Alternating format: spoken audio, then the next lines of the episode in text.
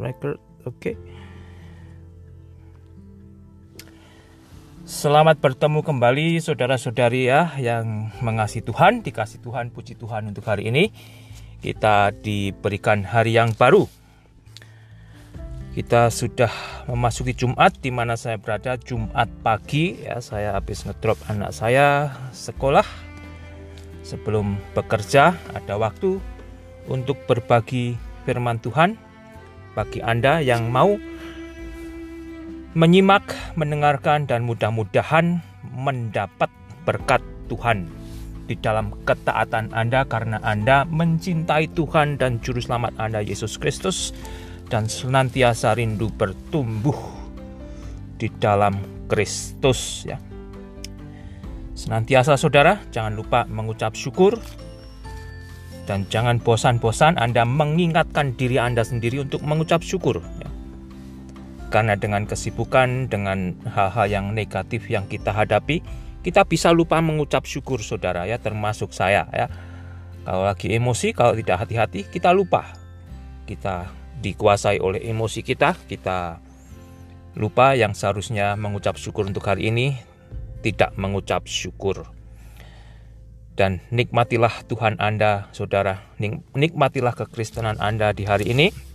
Saya mau membagi bacaan Alkitab dari Matius 18 ayat 21 ya. Terima kasih bagi Anda yang bersedia menyimak baik lewat Facebook, lewat YouTube Live.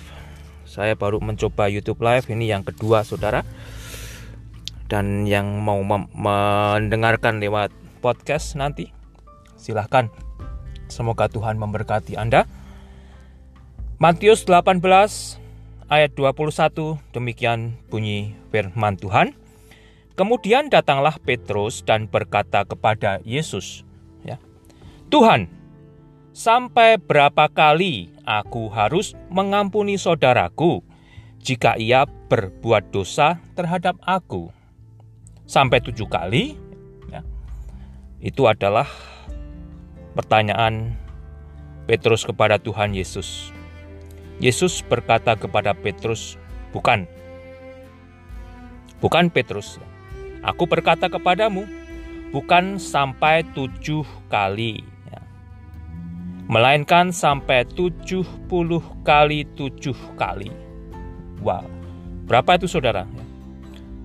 Tujuh kali, tujuh puluh kali, tujuh kali, 490. Istilahnya saudara, tidak terbatas. Selalu terbuka untuk mengampuni. Apakah mengampuni itu gampang? Tidak. Ya, mengampuni itu susah. Bukan juga Berarti kalau Anda mengampuni, Anda bisa mengampuni, Anda melupakan orang yang menyakiti Anda, orang Anda melupakan orang yang merugikan Anda. Belum tentu, saudara. Belum tentu Anda bisa lupa, istilahnya sampai Anda mati. Tetapi Anda bisa mengampuni. Ya, itu yang utama. Kemudian kita lanjutkan ayat 23. Sebab hal kerajaan sorga seumpama, seumpama seorang raja yang hendak mengadakan perhitungan dengan hamba-hambanya. Ini hal kerajaan sorga, saudara ya. Bukan hal dunia. Setelah ia mulai mengadakan perhitungan itu, dihadapkanlah kepadanya seorang yang berhutang sepuluh ribu talenta. Tetapi karena orang itu tidak me, mem, mampu orang itu tidak mampu melunaskan hutangnya, ya. Raja itu memerintahkan supaya ia dijual beserta anak istrinya dan segala miliknya untuk pembayar untuk pembayar hutangnya ya karena hutangnya besar sekali ya. Sehingga seluruh keluarganya miliknya harus dijual untuk membayar hutang dia. Siapa yang yang dirugikan? Keluarganya dirugikan oleh orang ini, saudara ya. Maka sujudlah hamba itu menyembah dia katanya, sabarlah dahulu, segala hutangku akan kulunaskan. Ya. Lalu tergeraklah hati raja itu oleh belas kasihan akan hamba itu. Sehingga raja membebaskannya dan menghapuskan hutangnya. Tetapi ketika hamba itu keluar, ya, yang yang tidak bisa bayar hutang, ya, yang keluarganya harus dijual, tetapi pada akhirnya dia meminta belas kasihan raja justru dibebaskan. Ya. Dia keluar, ia bertemu dengan seorang hamba yang lain yang berhutang 100 dinar kepada hamba yang diampuni Tuhan. Ya. Hamba yang diampuni Tuhan itu menang, ia menangkap dan mencekik kawannya itu. Katanya, bayar hutangmu. Nah. Maka sujudlah kawannya itu dan memohon kepadanya, sabarlah dulu teman, hutangku itu akan kulunaskan. Maka,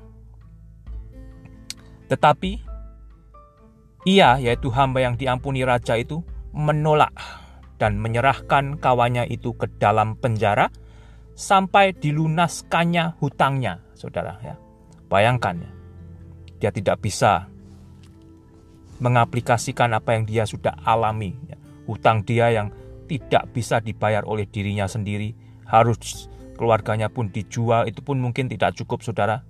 Dibebaskan oleh raja, justru temannya yang hanya utang segitu, dia perlakukan seperti itu. Ayat 31, melihat itu kawan-kawannya yang lain sangat sedih, lalu menyampaikan segala yang terjadi kepada tuan mereka. Ya, ini hamba ini sudah utang segitu banyak, harusnya keluarganya dijual untuk bayar utang dia. Dia telah membuat keluarganya menderita, tetapi diampuni raja. Dia ketemu temannya yang hanya utang segitu, dia perlakukan seperti itu. Saudara ya. Ini benar-benar keterlaluan. Teman kawan-kawannya yang lain sangat sedih lalu menyampaikan segala yang terjadi kepada tuan mereka. Ayat 32, Raja itu menyuruh memanggil orang itu dan berkata kepada hamba yang diampuni, Hai hamba yang jahat. Sekarang dia disebut, Hai hamba yang jahat, seluruh hutangmu telah kuhapuskan karena engkau memohonkannya kepadaku. Bukankah engkau pun harus mengasihi kawanmu seperti aku telah mengasihi engkau? Ya maka Bapakku yang di sorga akan berbuat demikian juga terhadap kamu apabila kamu masing-masing tidak mengampuni saudaramu dengan segenap hatimu. Saudara, kisah yang diberikan Tuhan Yesus ini tidak mudah, membingungkan. Ini apa? Di sini sebetulnya kita diajar oleh Allah sendiri kalau saya dan Anda sudah menerima pengampunan Allah ya yang menjadi dasar untuk kita bisa masuk sorga Ya Anda perhatikan di ayat 23 Sebab hal kerajaan sorga Seumpama seorang raja yang hendak mengadakan perhitungan dengan hamba-hambanya ya. Ini berbicara tentang kerajaan sorga saudara Kalau saya dan Anda bisa diampuni Allah ya Karena dosa kita dan kita menyadari kita tidak bisa membayar hutang kita sendiri, hutang dosa untuk bisa masuk sorga. Kita pun diberikan contoh yang sama oleh Allah, agar kita mencontoh kehidupan pengampunan yang kita sudah alami dengan bersedia mengampuni sesama kita Kembali saudara, mengampuni itu tidak mudah. Di situlah Anda sebetulnya bisa merenungkan bagaimana Yesus Allah yang turun dari sorga ke dunia menyatakan diri kepada manusia. Ya, dia mengambil rupa sebagai manusia, meninggalkan segala kesorgawiannya, ya, mengambil diberi nama Yesus yang artinya Allah Juru Selamat, Allah Penyelamat, saudara. Dia menjadi serupa dengan manusia, dia hidup sempurna. Untuk apa? Bukan untuk dirinya sendiri. Untuk menun memenuhi tuntutan Allah sendiri agar manusia bisa terselamatkan karena dosanya.